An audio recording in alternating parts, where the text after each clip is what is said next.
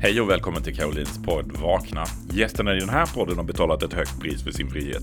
De har levt i ett parallellt samhälle med ett eget rättssystem mitt i Sverige, i nutid. För priset du betalar för att lämna Jehovas vittnen, det är förlusten av alla dina vänner, din familj, släkt och hela ditt sociala nät. I de här intervjuerna delar gästerna sin historia om hur det är att leva in i en parallellvärld. Om smärtan i att förstå att det man trodde var sant inte alls är det. Och om hur du överlever en social misshandel som kanske skulle kunna ha kostat dig livet. De berättar om vad som väckte dem och hur de har lyckats skaffa sig ett nytt och friskt liv. Du som håller på att vakna kommer att känna igen dig. Du som inte hade en aning om företeelsen kommer att förvånas. Det är dags att vakna med Caroline och gäster. Välkommen till ett nytt avsnitt av eh, Vakna med eh, Carolina och gäster. Idag så har jag Nina Brink här som är utöver att vara mamma till katten Snöboll och till hunden Mushi så kör hon tunga tåg, har ett par barn också. Men i övrigt är vi ju jättenyfikna på att höra vem är Nina Brink och hur är din historia i Jehovas vittnen. Så välkommen hit Nina! Tack så mycket Caroline! Vad roligt du vill komma! Ja, jättekul! Nu tror jag ju att min introduktion eh, är väldigt fattig. Jag tror du är så mycket mer än mamma till en hund och katt och två barn. Ja. Så eh, du får fylla ut här. Vem är du Nina? Eh, ja, det är så svårt att berätta om sig själv tycker jag. Men nej, jag bor i ett hus här i närheten. Och jag arbetar som lokförare. Mm. Och jag var ett Jehovas vittne i 23 år av mitt vuxna liv. Mm -hmm. Vad spännande. Och hur länge sedan är det att du lämnade Jehovas vittnen? Jag tror det var 2017, så det blir väl fyra år sedan nu ungefär. Lite längre tid än mig. Ja.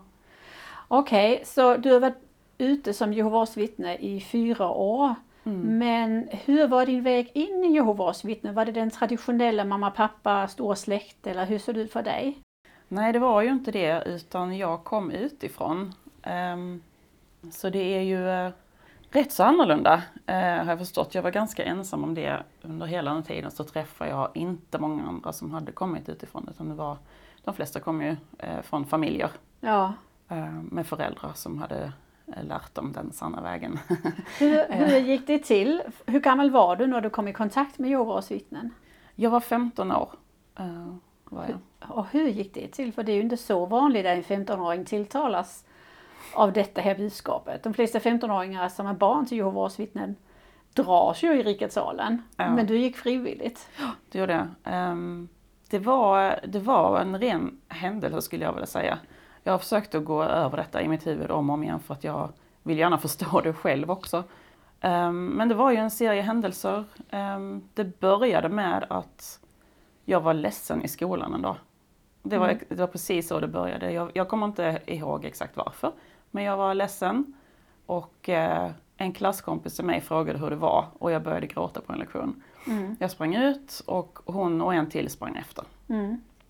De två tjejerna var Jehovas vittnen. Okay. Um, ehm, och när de frågade vad som var fel så visst, jag visste inte riktigt vad jag skulle svara.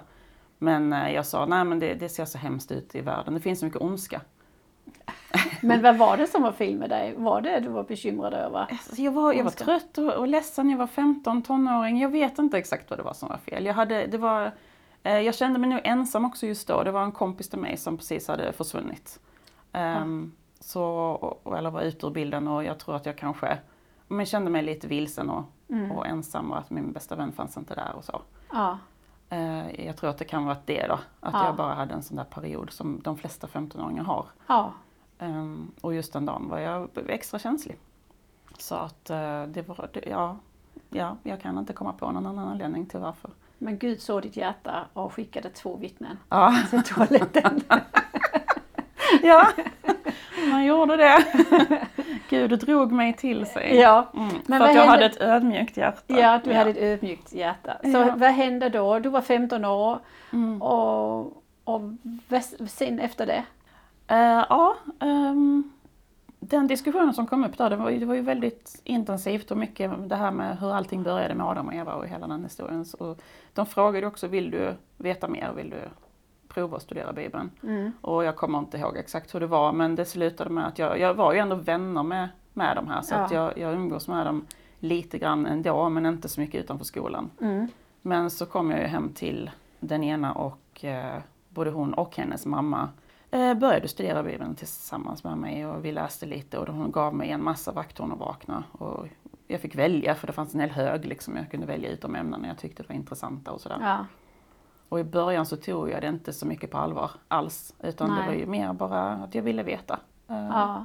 Vad var det för frågor som du var nyfikna på? Du vet du vad?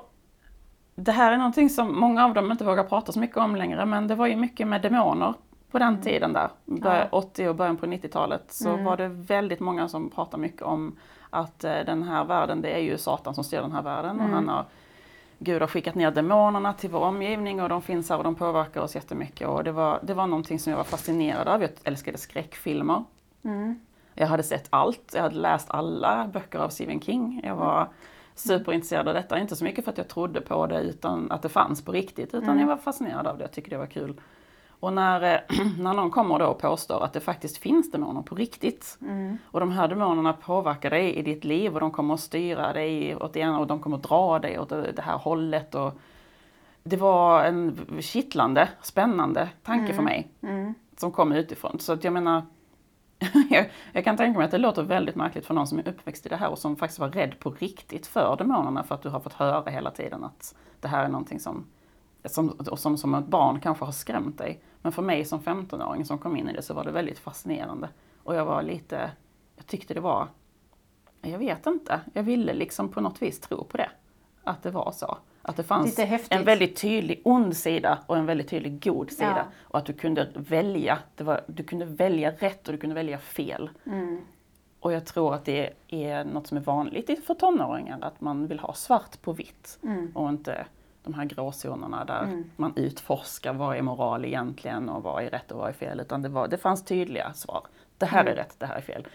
Du kan välja rätt väg och om du gör det så gör du rätt. Och då, det, det kändes bra. Jag tror att det var Mm. det som kändes bra, att jag hade, jag hade fått liksom ett svar på det här. Att eh, det är det här man ska göra med sitt liv, det är det som är det rätta. Mm. Eh, Så det, ja, nej, det var ju det här med demonerna tror jag. Det det. som ja. lockade mig in i Ja, det. Att ja. eh, det var, jag var fascinerad av det.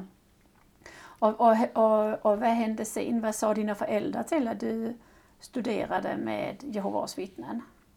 Ehm, ja, i början så försökte jag prata med min mamma framförallt om detta. Uh, jag och min pappa också faktiskt, inte lika mycket men ehm, det gick inte riktigt därför att hon, hon, vill, hon höll ju inte alls med om någonting som jag sa. Nej. Och jag var så inne på att jag ville fortsätta med det här. Jag var väldigt fascinerad och det var nytt för mig. Så att jag, jag slutade prata med min mamma ganska tidigt om det. Och Mm. dolde vad jag höll på med. Eh, Jag gick på möten. Jag började gå på möten och jag studerade Bibeln tillsammans med eh, den här kompisen. Men jag sa inte det till mina föräldrar. ehm, Utan jag höll väldigt mycket tyst om det. Men pratade du med din eh, studieledare om det i, i församlingen? Hur din hemsituation var, hur din relation till dina föräldrar omkring det här ämnet Ja, var? jo men det visste de.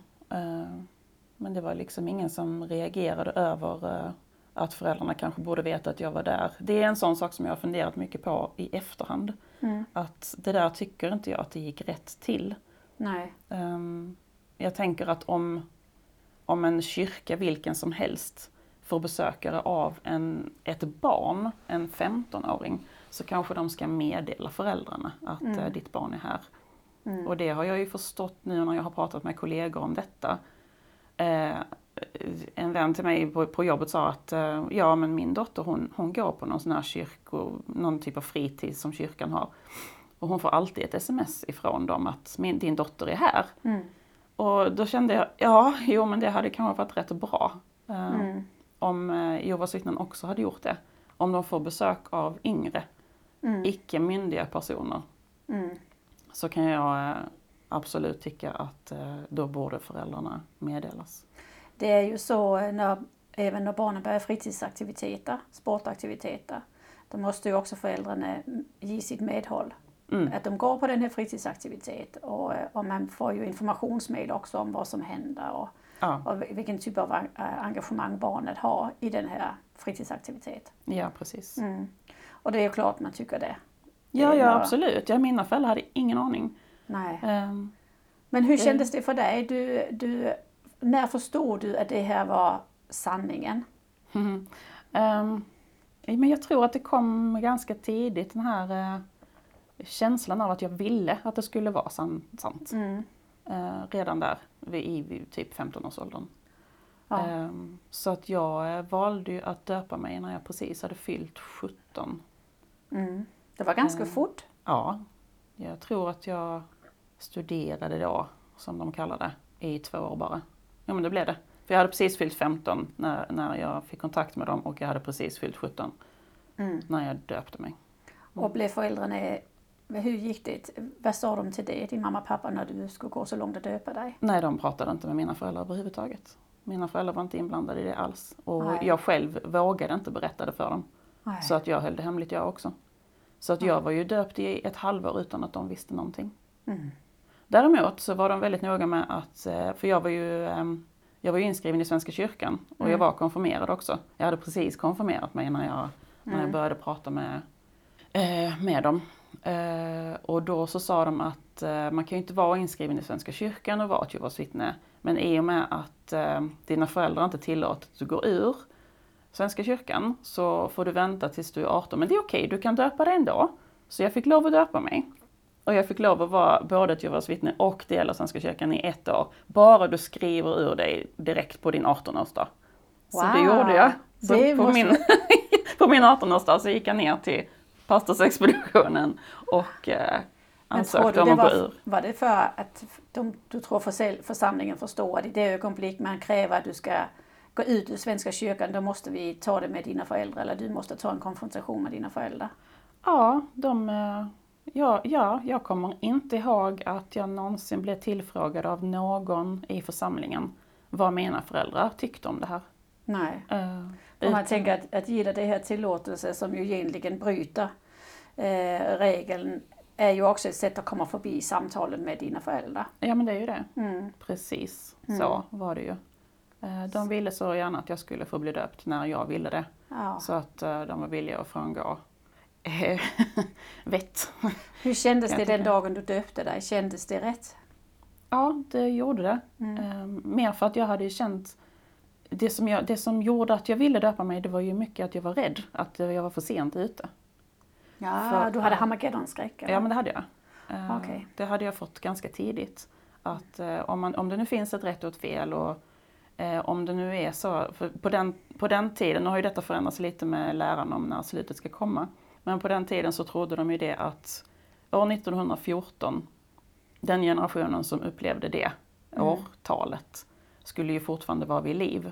Och så står det ju dessutom, pekar de på att, och här i Bibeln står det ju att en människa lever 70 till 80 år. Så jag döpte mig 1994, exakt 80 år efter 1914.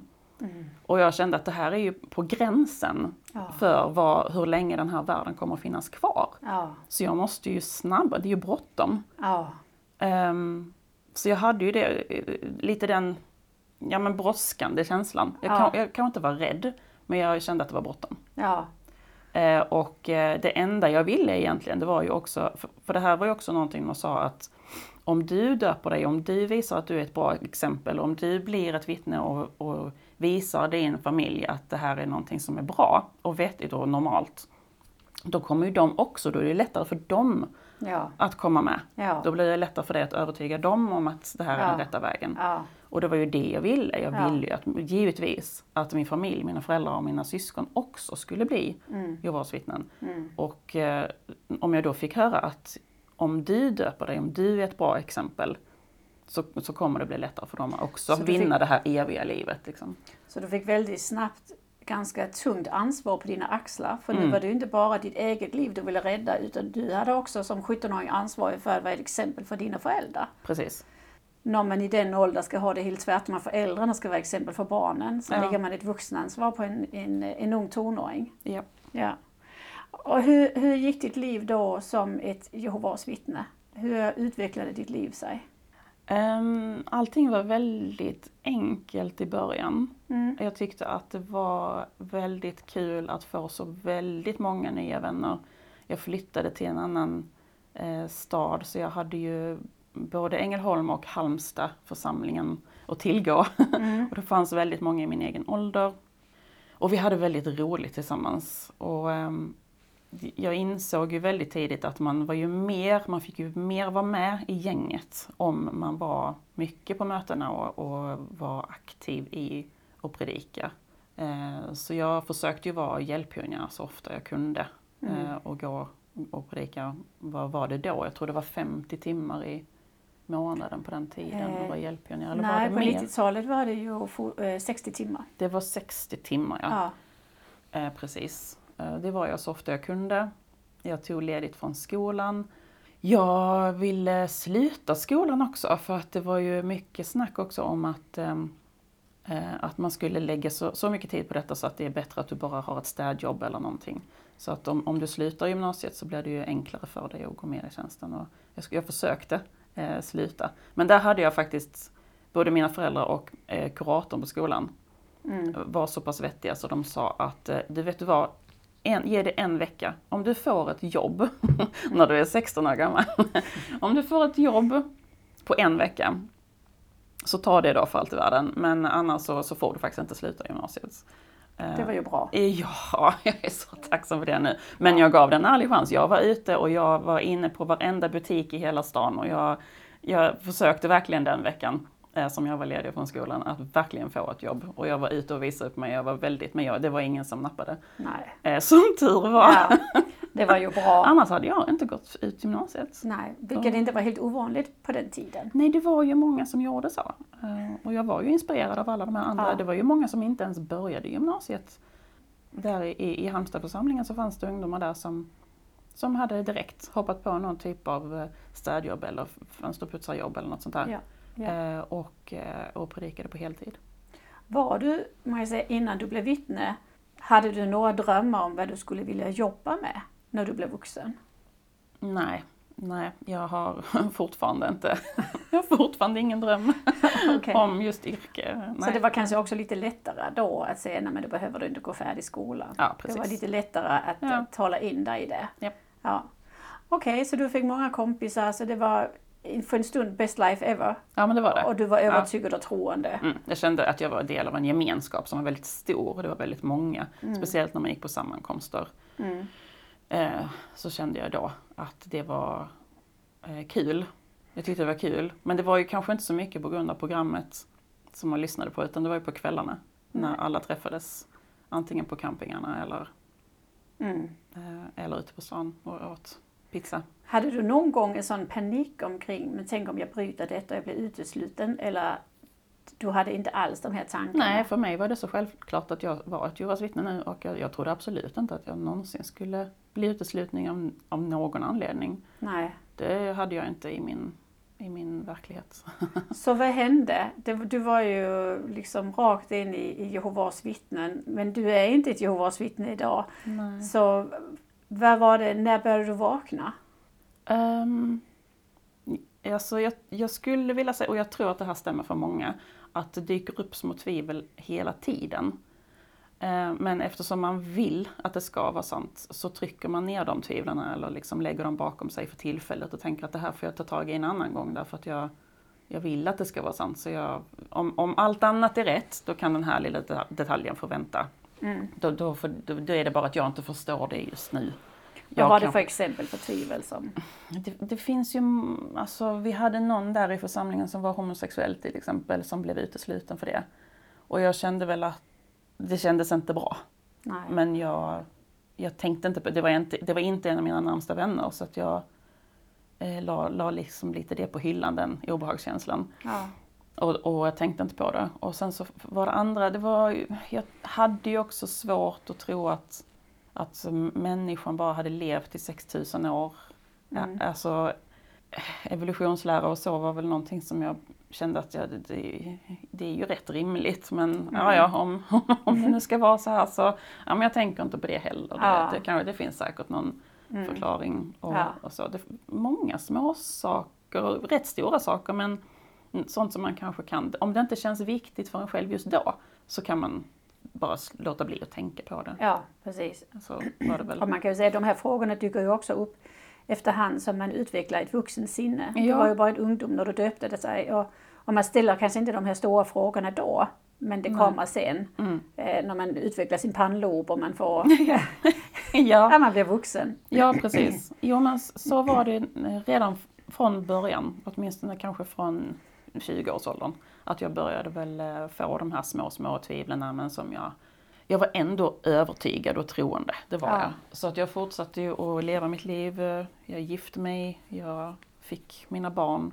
Eh, Det var många händelser som inte kändes okej, men jag liksom kämpade på. För att jag ville- Religiösa händelser eller trosfrågor eller... Ehm, och ehm, relationer med andra människor också. Ja. Saker som hände som kändes som att det här kanske inte kristna människor gör. Ja. Ehm, det var, men det var, det var ingenting som fick mig att tvivla utan man, man fick ju veta att alla är ju ofullkomliga och alla kommer att göra fel. Så att, ehm, Mm. ehm, nej, jag går inte in på detaljer där. Men det, det var mycket som hände som jag tyckte kändes fel. Mm. Och det kändes inte som att, att det var kärleksfullt. Det är väl det jag vill komma fram till. Ja. Att det var mycket i församlingen som inte kändes som äkta kärlek. Ja. Eh, å andra sidan sett så hade jag många väldigt nära vänner som jag kände ett otroligt starkt samband med. Mm. Eh, och jag kände att det verkligen var äkta kärlek mellan mig och dem. Ehm, och sen, eh, ja jag tror att det som gjorde att jag, att jag vak- började vakna upp var faktiskt min egen kropp. Därför att jag fick eh, panikångestattacker Okej. När jag var 38 då kanske. Eh, Det var väldigt sent i livet. och Du hade inte haft den typ av eh, reaktion innan. Nej. Jag hade, lite, jag hade fått lite sådana känningar när barnen var små. Men eh, det kan man ju ursäkta med att, att man är helt utmattad för Ja. att små barn är Ja. jobbiga. Ja. Men ehm, nej, jag, jag levde i ett äktenskap som jag inte var lycklig i. Och jag trodde att det framförallt var det. Mm. Till att börja med så trodde jag att det var det som var problemet. Och eh, då fick jag ju ännu mer ångest därför att man får inte lov att skilja sig. Mm. Och, då, och det ville jag inte heller. Det ville jag absolut inte. Jag ville att det skulle funka. Så att i ett par år där, vi, vi jobbade hårt både, både han och jag på att det skulle fungera. Men det, Tog ni hjälp av församlingen? vi tog hjälp av församlingen, vi pratade med äldstebröderna. Ja. Vi gick även i eh, familjerådgivning.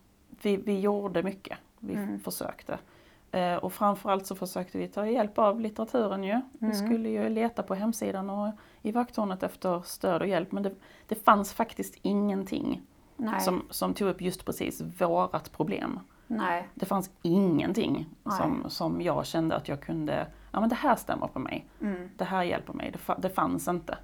Och, och ehm, när man pratade med äldstebröderna så var det ingen av oss som vågade vara ärliga med våra riktiga problem för att det var obekvämt och Mm. pinsamt. Och det, var, ehm, det kändes som att om det här problemet inte ens existerar i deras värld och i, i den här litteraturen och i, om det inte ens existerar, vad är det för fel på mig då? Jag är ju Ja. jättekonstig då. Eller det är Ja. något, något väldigt märkligt som händer här. Men fick ni eh, hjälp på familjerådgivningen omkring? Vågade ni vara ärliga där? Nej, jag kommer ihåg att det var faktiskt familjerådgivaren som avslutade det därför att han märkte att vi inte var Mm. helt ärliga. Mm. Det, han sa nej men där, jag kan nog inte hjälpa er. Ehm, och det, det var väldigt uppenbart att det sa han nästan direkt efter att, för han märkte på oss att vi var, han sa så här helt plötsligt, är ni religiösa? Ja. Ja, Eh, det vågar man ju inte säga i terapi. Nej. Ehm, För man ska vara lyckliga. För man ska vara lycklig. Om man är ett Jehovas vittne ska Ja. man vara lycklig. Så att eh, om, om någon i terapeut frågar Mm. eh, om man är ett Jehovas vittne så vill man helst inte säga det, men det sa vi ju. Och eh, han märkte att det fanns en spärr. Ja. Där fanns någon typ av vägg, det var någonting som inte gick att bryta igenom. Ja. Så det var han som avslutade det. Och vi kände väl också att vi inte ville mer, för det gick inte. Det gick liksom inte att vara öppen, helt öppen och ärlig. Nej, det är väldigt intressant det du säger för att jag har samma upplevelse. Mm. Att när vi gick i familjerådgivning då sa vi aldrig vi var vittnen. Nej. För att jag, jag skämdes för att vi var vittnen och hade ett olyckligt äktenskap. Vilket gör det väldigt svårt för, för rådgivarna att, att få en bild av hur är situationen egentligen och vad är det för förhållningssätt vi, vi, vi lever efter i vårt hem. Så eh, på det sättet kan man säga att man avskär sig som Jehovas vittne för hjälp. Mm. För, inte för att man säger i församling man inte får berätta, men man gör inte det. Nej. Man, man vill vara ett stolt Jehovas vittne. Och, Ja. Man vill ju ge den där bilden av att vi är, vi är ett lyckligt folk. Ja, Mm. precis. Precis. Och jag, det var samma sak när jag själv, för jag fick själv också gå i eh, KBT-terapi då när jag hade fått mina panikångestattacker för att eh, det, jobbet hjälpte mig med det. Och där sa jag inte heller, jag vågade inte säga att jag var, det sa jag inte. Nej, samma också jag. Även efter jag var utesluten då fick jag stöd, stödsamtal. Eh, och jag sa aldrig att jag min, min religiösa ställning och min situation som utesluten för jag skämdes för det. Mm. Och det är ju en, en mental block man har omkring sig Ja. som är väldigt hämmande för att få ett lyckligt liv. Ja. Eller för att hitta lösningar till de här problemen man har i livet. Mm. Och så då slutade det med att ni gick skilda vägar som aktiva Jehovas vittnen eller? Eh, ja, vi var bo, för, båda fortfarande kvar i församlingen men jag, jag lämnade honom. Jag kände att jag, hade, jag kunde inte hitta någon annan väg ut. Vad sa de i församlingen till det? Hjälpte de dig med det eller uppmuntrade de dig att gå tillbaka? De, de sa i princip så här att vi får inte rådgiva dig att göra varken det ena eller det andra. Vi Nej. får inte lägga oss i. De var väldigt tydliga med att de inte ville ta någon ställning, varken för eller emot Mm. eh, vad jag gjorde. Men eh, de gjorde mig ju också, ville ju berätta vad som gällde. Och det är ju det, och det visste jag ju också redan innan att eh, om du lämnar så kan du ju inte gifta om dig. Nej. Eh, för att ni är fortfarande gifta i Guds ögon. Ja. Eh, om ingen har varit otrogen så är du fortfarande bunden till den här personen för resten av ditt liv. Och jag var fullt medveten om det och jag tog steget ändå. För jag kände att jag behövde lugn och ro. Mm. Jag behövde frid liksom. Så jag flyttade och med tanken då att jag kommer att vara singel resten av mitt liv. ja. Hur kändes det? Nej, jag, jag, jag, jag hade liksom, jag var så medveten om det, att det var det som gällde. Så att jag ifrågasatte inte det, utan det var så det var och det kändes eh, helt okej i början. Jag var så inställd på det så att jag hade inget behov av att, eh, att det skulle vara annorlunda. Nej. Det är ju väldigt, om vi har några lyssnare som inte är Jehovas vittnen så är det här ju en väldigt speciell frågeställning för Mm. de som har varit i Jehovas vittnen. Att man, man inte har en, en, man får inte gifta om sig om man skiljer sig. Nej. Om inte någon har brutit äktenskapet genom att vara, vara med någon annan. Mm. Och det är då ingen som vill göra för då blir man utesluten. Ja, precis. Så man håller varandra i en, en väldigt låst situation. Ja, man sitter fast där då ju. Ju Men tror du då fortfarande det var sanningen på Mm. det tidpunkt? Ja, det trodde jag absolut. Jag flyttade ifrån honom och eh, vi fortsatte att gå på mötena båda två på varsitt håll.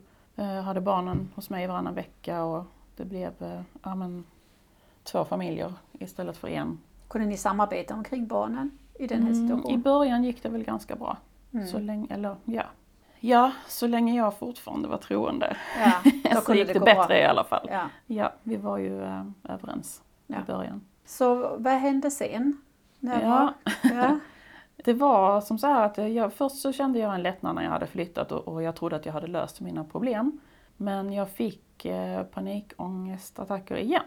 Mm. Inte bra att eh, försvinna bort ur sitt eget medvetande när man kör tåg. Med Verkligen. 350 resenärer ombord. Verkligen inte. Ja, verkligen inte. Eh, Så, så när det, det hände igen så kände jag att eh, det, det var något allvarligt fel på mig. Det är någonting som är fel. Jag, jag förstod ju att jag mår ju fortfarande inte bra och jag kunde inte förstå varför. Men jag blev sjukskriven i två månader tror jag det var.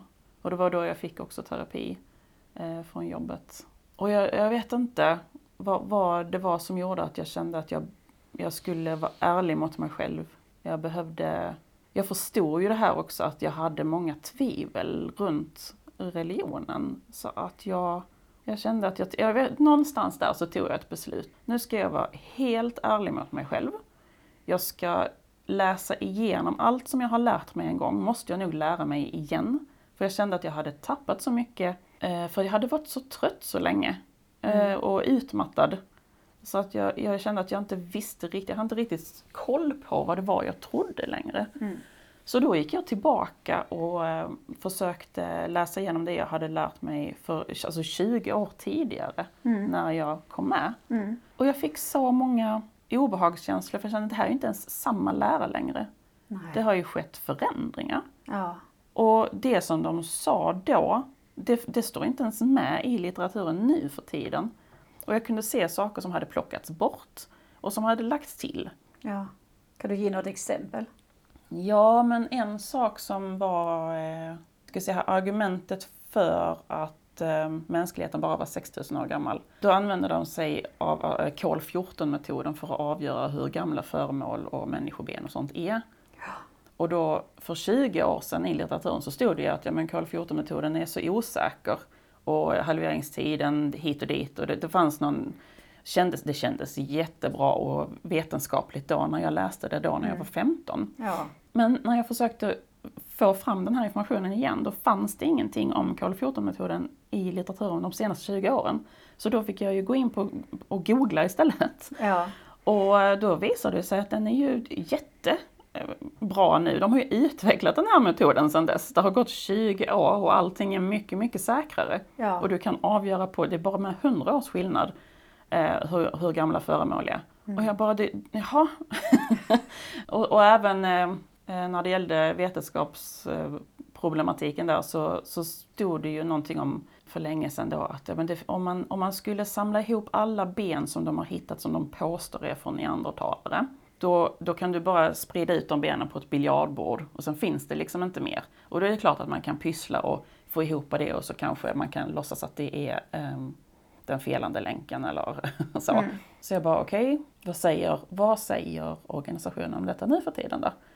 Och då hittade jag faktiskt i ett eh, vaktorn som inte var så gammalt. Det enda jag kunde hitta det var att det stod att eh, ja, nu har de ju ändå hittat så många ben så att det kan fylla en hel godsvagn. Och jag bara, va? Det är ju rätt mycket! Men det bara stod lite så i förbifarten i någon Ja.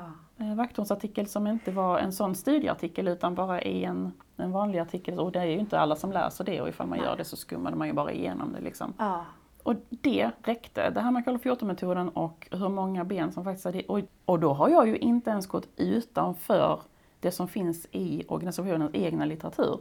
Jag var väldigt noga med att absolut inte hämta någon information överhuvudtaget utifrån. Nej. För att jag ville vara sann och trogen och hålla mig inom ramarna för vad som var tillåtet. För jag var fortfarande kvar i den här, jag var, jag var ju hjärntvättad. Alltså ordet hjärntvätt är fel kanske, men indoktrinerad eller manipulerad. Mm. Manipulerad skulle jag vilja säga att man är. Att hålla sig inom den här gränsen för vad de säger är tillåtet och inte. Och du får ju inte hämta information utifrån. Nej. Det är ju, jag tycker ju att det är en form för hjärntvätt för att samma information matas om och om igen och du får inte kontrollera det med andra fakta utifrån. Nej. Eh, Så eh, ja, man kan ju säga som man vill men idag så anser jag ju att man blir utsatt för hjärntvätt. Speciellt när man är ung och barn och inte har det här utvecklade kritiska tänkande. Mm. Som vuxen plötsligt vaknade du ju upp efter 20 år med kritiskt tänkande. Ja, Och då kunde du ju börja jämföra ja före, efter och så vidare. Mm. Ja, Jag tycker också att det är hjärntvätt men eh, jag vill inte använda ordet eh, för att jag vill inte skrämma bort dem som kanske fortfarande är i det. Nej, För man vill ju absolut inte erkänna att man är hjärntvättad. nej absolut inte. Man vill ju inte erkänna att man är med i en kult eller sekt heller. Det är Nej. ju alltid någon annan som är det. Ja precis. Jag kommer ihåg när jag var barn så var det ju det här med dinosaurierna. Att det var ju inte så lämpligt ansett att man pratade eller lekte med dinosaurier. Vilket ju man vet är ett vetenskapligt fakta att de faktiskt har funnits. Och idag så är det ju i litteraturen också erkänt men det var det inte på 80-90-talet. Nej, just det. Så det har hänt många saker inom vetenskapen. Mm. Jaha, så du vaknade upp, du kontrollerade. När började du gå utanför? Gjorde du det innan du lämnade? Alltså, kolla Nej. lite? Nej, absolut inte. Eh, Den, den biten av hjärntvätten var kvar väldigt länge. Jag eh, lyckades vakna med hjälp av att bara läsa den gamla litteraturen och att tänka kritiskt. Och Ja. vara helt ärlig mot mig själv och mina känslor. Och inför också sånt som jag kanske tyckte var fel med strukturerna inom församlingen. Och, Mm. och just det här att, för mig personligen, just det här att du inte kan gå vidare med ditt liv efter att du har lämnat någon som du var gift med. Nej. Hur gammal var du när du skilde dig? Vad- Men var jag 39 då? Ja. Och så tog det kanske ett år ungefär, ja men 30, 38, 39 någonstans där innan 40 i alla fall. Eh, Det tog i alla fall ett helt år innan jag är helt vaknade upp och insåg att jag tror inte på det här längre. Eh, Det är efter kanske inte är rimligt att kräva en 38-åring, 39-åring ska vara singel resten av sitt liv heller. Nej, det är ju... Ja, eh, alltså, tanken på det var helt okej med mig i början. ja, Men efter ett tag så, så började jag tänka, och då gick jag utanför mig själv också. Jag tänkte, vänta nu lite här, om detta hade hänt i ett annat land där du nästan måste leva ihop med en annan människa för att få ekonomin att gå runt. Eller, eller i Sverige, du, om jag hade haft ett annat yrke där jag inte hade tjänat så bra, då kanske jag inte hade klarat att leva ensam med två barn i Nej. resten av mitt liv. Alltså det hade varit otroligt hårt. ja, Och det är ju den bördan också. Mm. För det är ju inte det att du vill leva med någon annan för att, bara för att få lov att ligga med någon. Eller för att få vara kär eller för att eh, bara ha ett förhållande. Utan det är ju den ekonomiska biten också. Det är Ja. jättesvårt ja, att, att leva ensam och det vill man ju försöka komma under när man kan. ja, ja, precis. Du hade ju turen, du hade ett välbetalat arbete. Ja, Men du kunde ju också, om inte du hade gjort färdig skolan och du var fönsterputsare eller städerska, då kanske inte du hade nej, då hade jag inte haft den möjligheten. eh, kunnat bara säga när jag lämnar min man. Nej, precis. Så, så eh, gick du till, vad hände då sen? Du, du vaknade? Ja, men först så, jag hade ju svårt i början att tänka hur ska jag ta mig ur det här då? Och först tänkte jag det vill jag inte, för att jag vill ju behålla mina vänner. Så jag ville inte bli utesluten. Men jag insåg ju mer och mer, allt eftersom tiden gick, att jag kan inte vara ärlig mot alla andra och mig själv om jag är kvar här. Därför att eh, helt plötsligt så kände jag att, men vänta nu lite här, nu är det snart jul. Varför skulle jag inte fira jul då helt plötsligt om jag inte tror på det här längre? Jag, har, jag hade ju fortfarande en hel familj kvar som inte var Jehovas vittnen. Ja just det, du hade ju någonting att komma ut till. Jag hade ju faktiskt någon, någonting att komma tillbaka till. Människor Ja. som hade stått där hela tiden med öppna armar Mm. och typ väntat på att jag skulle fatta vad, jag, Ja. vad jag höll på med. Och då så kände jag att ja, ja, men jag kan ju fira jul men jag kan ju inte berätta det för någon då.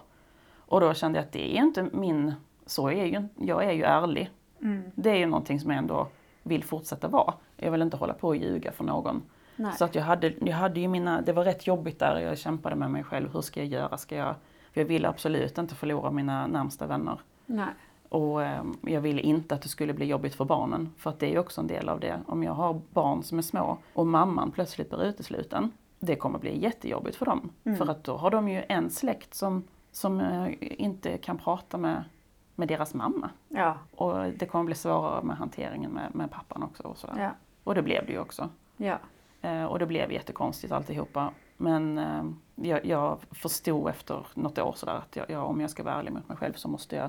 Och då gav jag också faktiskt äldstebröderna en ärlig chans att försöka övertyga mig att komma, komma tillbaka. Så att jag pratade med dem. De kom hem till mig i tre omgångar. ja. Och jag tog upp alla mina tvivel. ja. Eh, Jag tycker att det här känns konstigt, det här är fel. Vad, vad, vad anser ni om detta nu för tiden? Och, ehm, och de hade inte några vettiga svar på detta såklart. Eh, Nej. De, de försökte kringgå det, de försökte spela på mina känslor istället. ja. Och det absolut sista som en av dem sa, det var att Nej, men du måste ju vilja tro. ja. Jag bara, ja men då är det ju inte sanningen. Nej. Om det bara handlar om vad jag vill. Ja. Och då insåg jag att ja, det är ju det det har handlat om ända från början. Mm. Det var, jag ville att det skulle vara så Ja, här. Jag ja. ville att det skulle finnas en rätt väg och en ond väg. Ja. Att man skulle kunna välja att vara god eller ond. Ja. Jag vill, ville välja det rätta. Det var så hela tiden. Och när Ja. han då bekräftar detta i det samtalet vi hade där, då sista gången jag pratade med någon av dem, Mm. så insåg jag att jaha, men då, om det bara handlar om vad jag vill, då kan jag inte vara ärlig och vara kvar i detta. För att det spelar ingen roll hur mycket jag vill det här. För att jag det tror ju inte på det längre, Nej. det är inte rimligt. Nej. Och då, det kändes som en lättnad också. Mm. Att jag kände att jag hade varit helt ärlig genom hela denna processen. Jag hade inte gått utanför för att skaffa mig information. Jag hade verkligen gett dem en chans. Mm. Och jag kände med gott samvete att eh, jag kan lämna det här och säga jag tror inte på det här längre. Men så sa jag ju också, jag vill inte bli utesluten. Nej men, eh, nej, men om, du, om du ska leva det här, så sa jag, men jag, jag kommer att börja fira mina födelsedagar. ja men det kan du ju inte göra. Nej. Jo, alltså jag kommer att göra det. Ja. Och så ville de ju ha till något möte också, att vi skulle träffas och, och ha en kommitté, en dömande kommitté. Ja. Och det kände jag att nej, det är jag inte skyldig er. Nej. Eh, Jag säger rätt upp och ner här nu på telefon till dig, jag vill, jag, så här tänker jag göra. Du Ja. får göra vad du vill med den informationen. Ja. Ja, då måste vi ju, då måste vi ju utesluta dig. Jaha, sa jag. Ja, du får göra vad du vill, sa jag. jag. Jag vill inte bli utesluten. Men du får göra vad du vill med det som jag säger till dig nu. Ja, men då måste vi träffas. Nej, sa jag, vi måste inte träffas. Nej. För att jag, jag men jo, de, då hade de någon, eh, någon ursäkt. De ville att det, om det ska ske på ett lagligt sätt eller juridiskt rätt, då måste vi ses. Jag bara, nej, ja, jag är Ja. ledsen att du känner så, men jag orkar inte det. Nej. Jag orkar faktiskt inte träffa er i den miljön.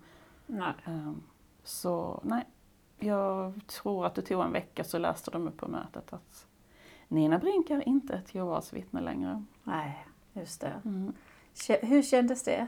Både och. Alltså, jag fick ju förvarningen att det skulle ta en vecka. Eh, Så jag hade ju den där veckan på mig att säga adjö till Mm. alla mina vänner. Ja. Och där är fortfarande en fyra, fem personer som jag saknar otroligt mycket. Och Mm. det, var, och det är fruktansvärt Mm. att behöva ta det samtalet med någon. Ja. Eh, speciellt när du själv vet att det här är antagligen för evigt också. Ja. Därför att jag var utesluten en gång i, när jag var i 20-årsåldern också, i Okej. ett år. Men då var jag själv så övertygad om att det fortfarande var sant och jag ville tillbaka. Så Mm. när jag sa hej då till mina vänner den gången, då var det inte för evigt. Nej. Då var det en paus. ja. Men denna gången visste jag att det här är ju för alltid. Jag kommer antagligen aldrig att prata med den här personen igen. Om inte de vaknar. Om inte de vaknar. Det är Ja, precis. väldigt många som vaknar som man Ja. inte kunde se någonstans ifrån. Mm. Eh, Man, jag tycker jag hör hela tiden och jag får samtal också nu från många på insidan som vaknar upp men inte riktigt vet hur de ska ta sig ut. Och det är ju, om jag bara inflikar, en del av den här syftet med podden, det är att de på insidan kan få höra berättelserna från utsidan att hur allting löser sig och vilka verktyg man kan använda för att få ett bra liv efter en, en uteslutning. Mm. Så eh, när började du att få det bättre med hälsan? När du hade gått igenom den här rensningsprocessen och började vara transparent med dig själv och ärlig i ditt liv? Eh, Det gick ganska fort. Eh, Jag fick aldrig mer någon panikångestattack i alla fall. De var Nej. slut. Ja, För att den här konflikten som fanns inom mig, den var borta. ja, Ehm, eh, Jag hade ju, alltså jag var fortfarande väldigt, väldigt trött. Jag hade väl fortfarande kvar någon form av utmattning ifrån alla de här olyckliga åren liksom. ja, Men, ehm, men det är egentligen bara tröttheten som är kvar.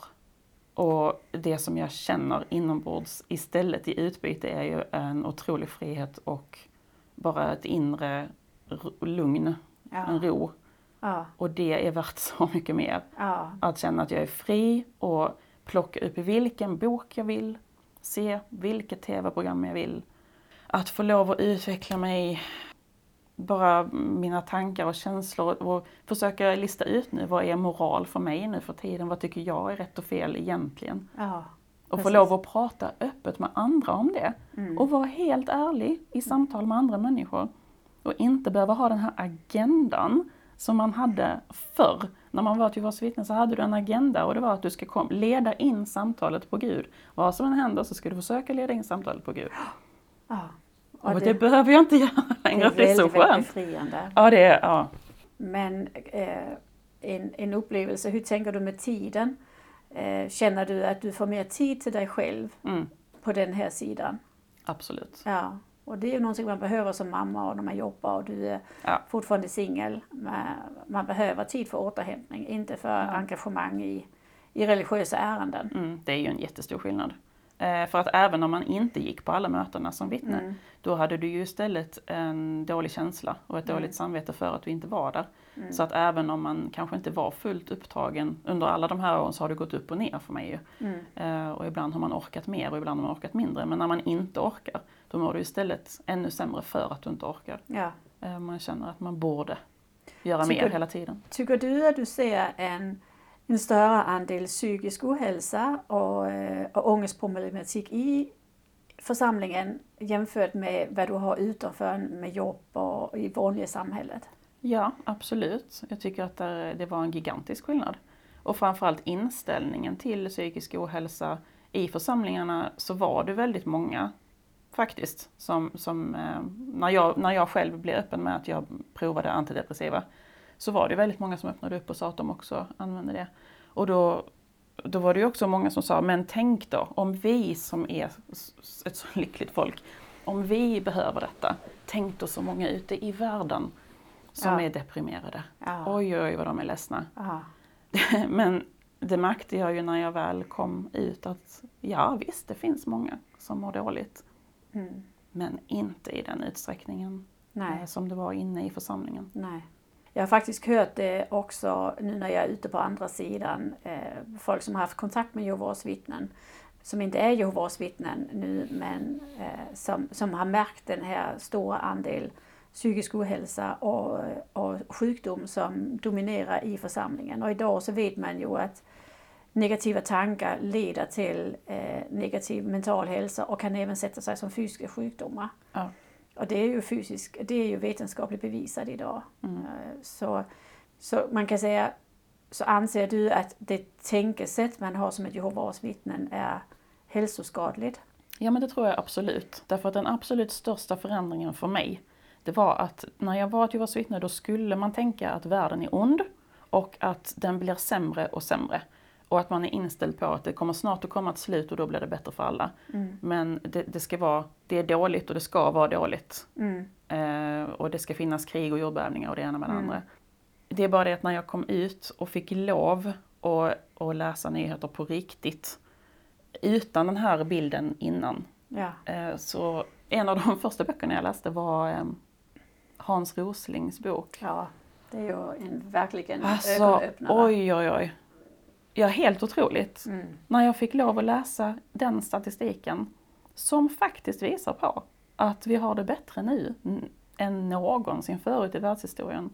Folk går inte runt och slaktar varandra till höger och vänster och krigen är färre och, och svälten minskar hela tiden.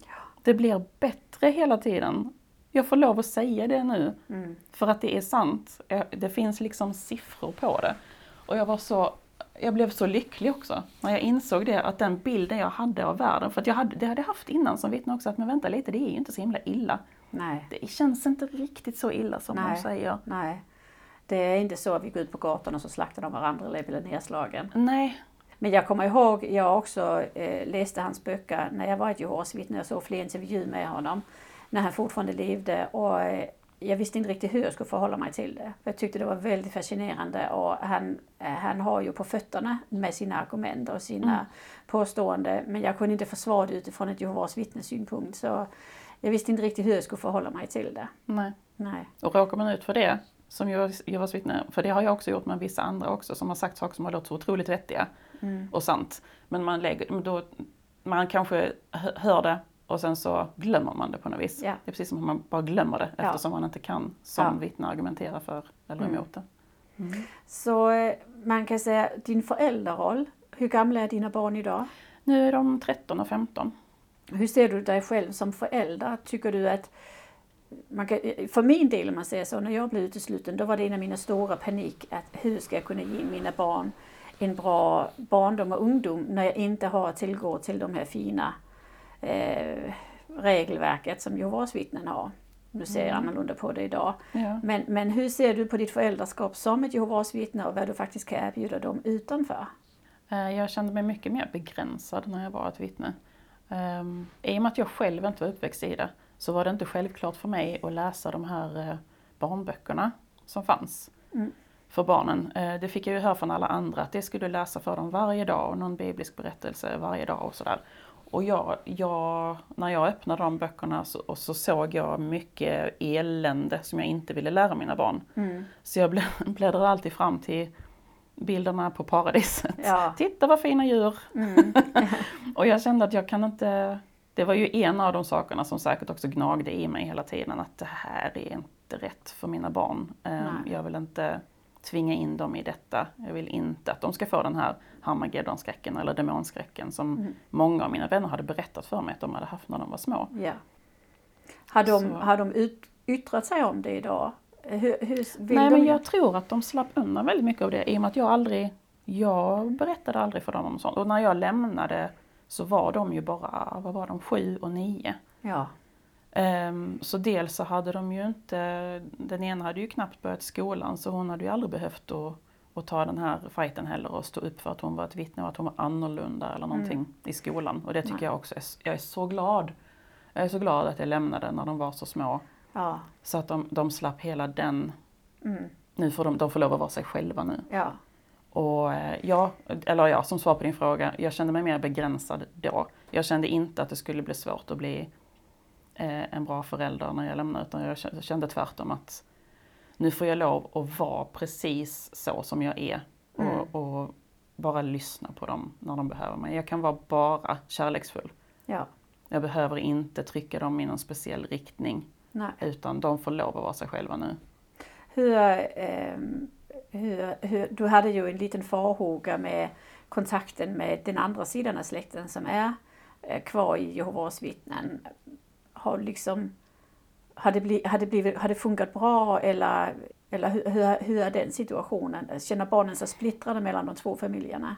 Eh, ja, det gör de. Jag har ingen kontakt alls med någon av dem ju. Nej. på något vis. Eh, eh, Och jag tycker det är supersorgligt. För Mm. dels så saknar jag dem väldigt Mm. mycket. Ehm, Och jag tycker också att det är väldigt, väldigt tråkigt för barnens skull att de känner att det blir ju inte samma öppenhet. Eh. De kan ju bara träffa sina släktingar då, sina kusiner, när de är hos sin pappa. Mm. Men eh, de kan ju aldrig komma hem till mig och vara hemma hos mig. Nej. Det var ju en av de sakerna som jag blev väldigt arg på i början. Jag sa aldrig någonting men jag, var, jag kände väldigt mycket ilska i början över att Jaha, så jag kan lämna bort mina barn till er och Mm. för att ni är säkra och trygga Mm. tydligen. Mm. Men jag är något slags monster för ingen av deras barn fick komma hem till mig Mm. någon gång. Och det fanns tillfällen där det blev väldigt uppenbart att barnen var bjudna på något kalas eller någonting där andra vittnen då skulle träffas. Mm. Och, jag, och så var det min barnvecka. Jag fick köra dit och lämna dem men sitta kvar i bilen Ja. och ingen tittar på mig när de går Nej. förbi. Nej. Och det, det var så här, jag vet inte, det, det där blir så... Man känner sig inte ens som en människa längre. Nej. Du blir av, avhumaniserad, om man Ja. säger så. Eller hur? Det Tror var, du det sätter spår i dina barn? Ja men ja, jag kände det. Ja. Att, och jag frågade dem ibland hur, hur, eh, tänkte, eh, hur de tänkte om det där och så. Mm. Och de såg, de ville liksom inte säga någonting men jag såg på dem att de tyckte det var obehagligt. Ja. Det Så- är ju som om mm. man ska skämmas för sin egen förälder. Ja, Ja. precis. Ja. Eh, Så att det där kände jag att det där vill jag komma ifrån så det sa jag till någon av de här föräldrarna någon gång när mina barn fick komma på deras kalas men deras barn fick inte komma om vi Mm. skulle ha kalas. Så, så, så kände jag, nej men då, då får det vara liksom. Mm. Då, jag, vill inte, jag kommer inte organisera fler träffar, jag kommer inte gå med på att skjutsa mina barn dit flera gånger för att det, det kändes inte rätt längre. Nej, jag har också, eh, jag, jag är väldigt överens med dig som mamma. Att det känns inte bra som mamma att lämna sina barn till familjer eh, som man bara blint ska lyda, eh, lita på för de är Jehovas vittnen. Men man får aldrig lära känna de barnen, man får aldrig lära känna de föräldrarna man faktiskt släpper hem dem till. Nej precis. Och, och det, det får inte mina barn när de var små att göra med skolkamrater eh, eller någon annan utan man vill ha lite koll på vem är det mina barn leker med, hur är de nu Mm. och, och vad är det för föräldrar, vad är det för familj och så vidare. Ja. Det känns väldigt orimligt att man bara ska släppa barnen Ja. eh, utan att ha någon koll eller kontroll på vem det är. Precis. Vi vet ju med alla, alla det som har gått, att bara för att du är Jehovas vittne så behöver du inte vara något helgon. Nej nej, exakt. Det, nej, det kan vara väldigt osunda hemförhållanden. Ja. Så eh, det var en väldigt intressant iakttagelse som jag också fick när, när Mm. jag blev utesluten. Mm. Men om man, om man går vidare då till eh, idag, hur, hur ser ditt liv ut idag? Um, alltså egentligen så lever jag ett väldigt, uh, inte att säga, nej det gör jag inte. nej men jag, jag har ju eh, haft fyra år på mig att försöka komma till rätta med eh, hur jag vill leva mitt liv. Mm. Och jag har inte riktigt kommit fram till det och det är helt okej. Jag gillar verkligen att fortsätta ehm, undersöka Mm. mina egna åsikter. Mm. eh, vad jag tycker om saker och ting egentligen. Mm. Eh, jag tycker jättemycket om att läsa eh, alla möjliga sorters böcker. Mm. Framförallt om personlig utveckling. Mm. Och, och jag vet inte, jag har, jag har kommit till ro, det har jag. Absolut. Men jag tycker också att det känns så himla underbart att livet är någonting som man får fortsätta att utforska. Man kan ju säga att Mm. du har ju förlorat 24 år av din utveckling Mm. för den har varit styrd. Så nu är du som en, en 20-åring som flyttar hemifrån Ja, eller när du precis. blir utesluten som en 16-åring. Ja. Du får liksom börja där du slapp. Ja, eh, jag förlorar ju hela mitt sociala sammanhang i princip och mina närmsta vänner så att jag måste försöka hitta människor som jag Ja. kan umgås med på fritiden. Vilket eh, det är inte det lättaste när man Nej. är över 40 Nej, år nej gammal. precis. Eh, Men jag jobbar mycket, jag trivs jättebra med mitt jobb. Ja. Eh, Jag har, ehm, eh, jag har saker att hitta på liksom. Mm. Och, och jag, nej, jag har sett till och jag har flyttat mycket också. Jag försöker hitta min plats på jorden också där jag Mm. trivs bäst och sådär. Mm. Och nu behöver du inte tänka på vilken församling du hör till. Nej, Ja, Nej, du kan flytta precis vad du vill. Ja, Ja. ja. Hur, om det är någon som sitter och lyssnar här som sitter på insidan och Mm. eh, som eh, är vaken men som kanske inte riktigt har tagit steget ut. Vad skulle du vilja säga till dem nu från andra sidan? För du Ehm, var ju där för, själv för fyra, fem år sedan. Ja. Nej men, ehm, men lyssna på ditt hjärta. Gör det, snälla. Ehm, Det är en av de lärarna som jag tycker är den mest skadliga. Mm. I, i, om man är ett Jehovas vittne så får man höra hela tiden att ditt hjärta är förrädiskt. Mm. Men det stämmer inte. det är inte sant. Eh, För ditt hjärta är, det är det du ska lyssna på. Mm. Ehm, och om det är så att du trivs jättebra med att vara ett Jehovas vittne och du tycker att allt de säger är rätt, ja men var, var kvar där. Då är det ju jättebra. Om du kan försvara alla lärarna så är det jättebra, då är det någonting för dig. Men om du sitter och har tvivel, så snälla var ärlig mot dig själv. Mm. Undersök dina tvivel. Du kommer att må bättre, för den här inre konflikten, som, som jag hade i alla fall, det, alltså man slits i sönder från insidan Ja. när man inte tillåter sig själv att tänka Mm. ehm, fritt. Ja. Och, och det kanske kan vara så att om man vågar ta steget ut och vara ärlig och transparent, att då är det fler andra Mm. som man kan vara en pionjär för eller man kan vara en föregångsperson för. och säga om, okej, om hon vågade så Mm, kanske också jag vågar. absolut. För det är ju väldigt många som sitter på insidan och som är vakna men Ja. inte riktigt vet hur att göra. Mm, För man att har, det har man ju förstått. Ja. Det har vi ju till och med upplevt själva att, att eh, vi har, jag har blivit kontaktad av människor Mm. som, eh, som kanske inte har trott på det på flera år. Mm. Ehm, men inte vet hur man ska bete sig för Nej. att lämna. Liksom. Nej. Och, och det blir det i i loop, att man är i det här, eh, man kan inte vara transparent mot sig själv. Mm. Vad är ditt viktigaste verktyg du har använt för att eh, hitta dig själv på andra sidan? Men det är väl kanske att, eh, att försöka öppna upp mitt sinne för nya intryck. Em, jag försöker testa nya saker. Jag försöker träffa nya människor och sätta mig i sammanhang där jag kanske inte egentligen känner mig bekväm. Men jag kastar mig in i saker och eh, bla- bland människor som jag inte känner för att, för, för att, hitta, för att hitta nya tankar och idéer. Mm. Och se in, vad passar på mig? Mm. Vad håller jag med om? Vad, vad tycker jag är rätt och fel Mm. egentligen? Mm. Och jag, det gör jag fortfarande. Jag, jag älskar att träffa nya människor. Mm. Jag älskar att lyssna på andras åsikter. Jag kan inte alls hålla med dem. Men jag måste inte hålla med dem. Nej. Och det är det också som känns otroligt befriande. Att man kan sitta och ha en diskussion med någon där du inte behöver hålla med om allting. Och du behöver Men du inte behöver inte bli heller. ovänner ändå. Nej, Mm. Nej och och du behöver behöver... inte övertyga dem heller om att du har sanningen, ditt är det enda sanna. Exakt. Det tycker jag också är fantastiskt spännande att bara möta alla de här människorna. Man kan sitta och lyssna och, och säga jag håller inte med men det är så intressant att höra hur du ser Mm. på livet. Och Ja. jag har ingen ansvar att hjälpa dig Nej. till rätta vägen. Nej precis, jag Ja. behöver inte berätta vad jag tycker. Jag behöver inte berätta för dig att du har fel. Nej, det är väldigt, väldigt spännande. Ja. Och det är klart att, att möten med andra människor plötsligt blir möjliga på ett helt annat sätt. Mm. Om vi går in på, på barnkonventionen, det är en fråga som jag kommer att ställa i alla de här intervjuer, för det är en viktig fråga tycker jag. Vi har i Sverige en lag eh, och eh, i Sverige är faktiskt barnkonventionen också en lag. Hur tycker du att Jehovas vittnen lever upp till den? Även med tanke på att de också får bidrag från staten. Ja? Mm. Eh, Så det är egentligen två frågor. Man säger, den första frågan är, tycker du Jehovas vittnen lever upp till barnkonventionen? Eh, nej men jag tycker väl inte det, framförallt inte när det gäller religionsfrihet. Ehm, det är inte... När man förstår hur hjärntvätt fungerar så förstår man att det är inte riktigt samma sak att ha religionsfrihet. När du som ett minderårigt barn kan döpa dig in i en religion.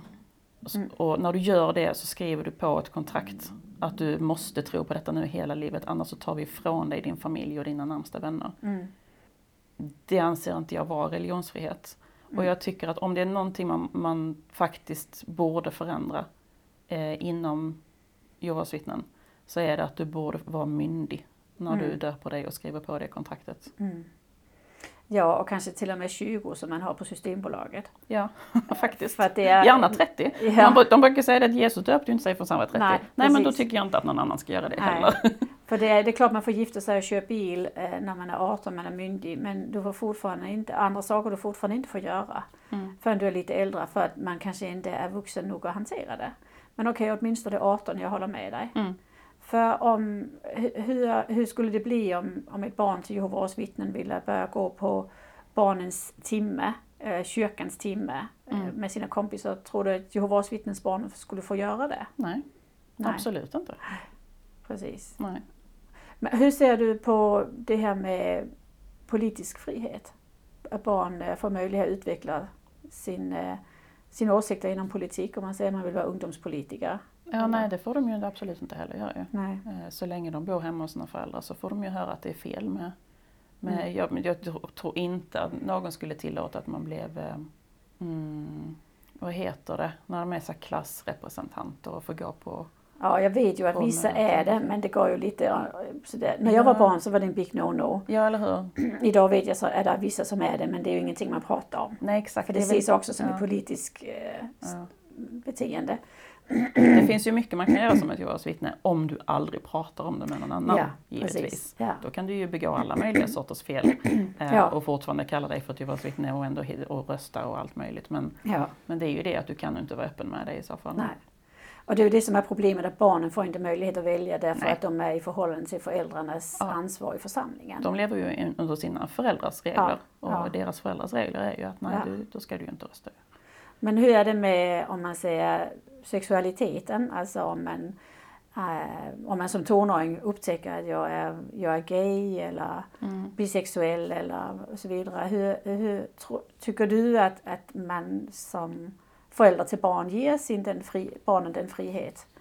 Nej, alltså jag tror att det är väldigt individuellt till att börja med, ska jag säga. Men den allmänna inställningen är ju att eh, eftersom du, om du som barn, om du är ett, barn till Jehovas vittnen och du går på alla mötena och du får höra alla talen, då vet du redan om att du inte ska vara homosexuell. Mm. Och jag tror absolut, oavsett vad föräldrarna, hur föräldrarna hade tagit emot det, om du hade berättat det, så tror jag inte att du vågar berätta det ändå. Därför att du vet ju redan, för du har ju fått höra otaliga gånger, Mm. att det är fel. Mm. Så eh, hur bra förälder du än är och hur bra du än hade reagerat på om ditt barn hade sagt det, så kommer de antagligen inte ens att säga det. Nej. Och då är det ju en spärr redan där, Ja. eh, som gör att de inte kan vara sig själva. De kan inte vara ärliga om vem de faktiskt är. Nej.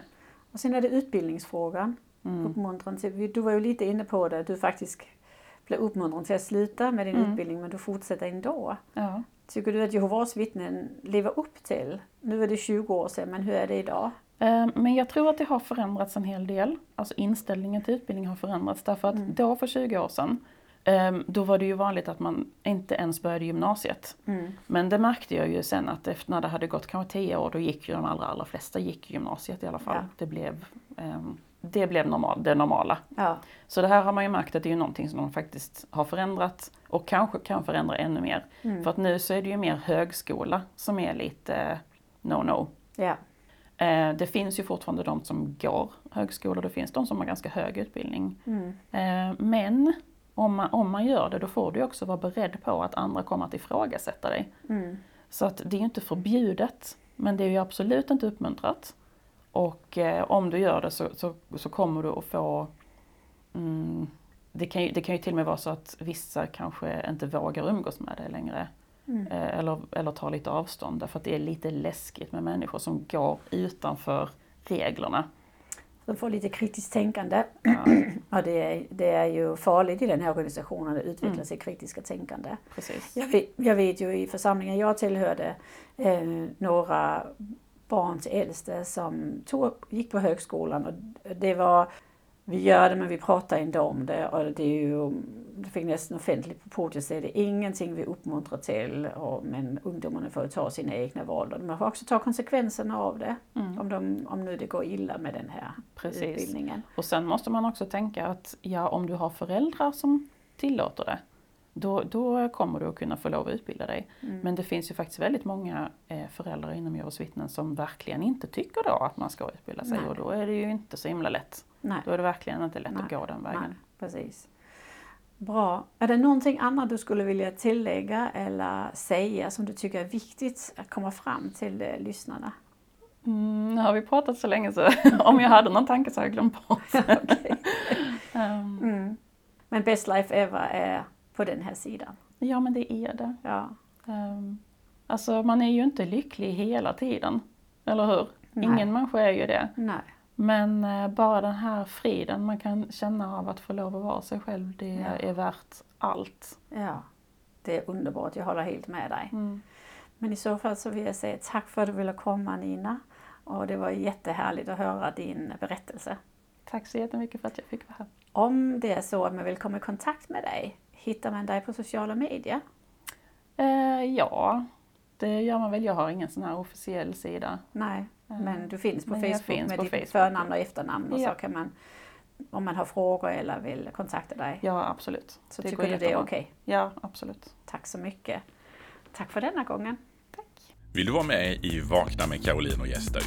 Att dela med sig av sina upplevelser kan frigöra en hel del blockeringar och hjälpa dig vidare i livet. Det är ofta helande och läkande att höra sig själv berätta vad man har varit med om och som man faktiskt har klarat av. Det är som en tung ryggsäck som man kastar bort för att gå vidare med nya och friska krafter. Besök reject.com och anmäl ditt intresse om du vill vara med. Knappa in r-eject.com e, reject.com. Du är varmt välkommen.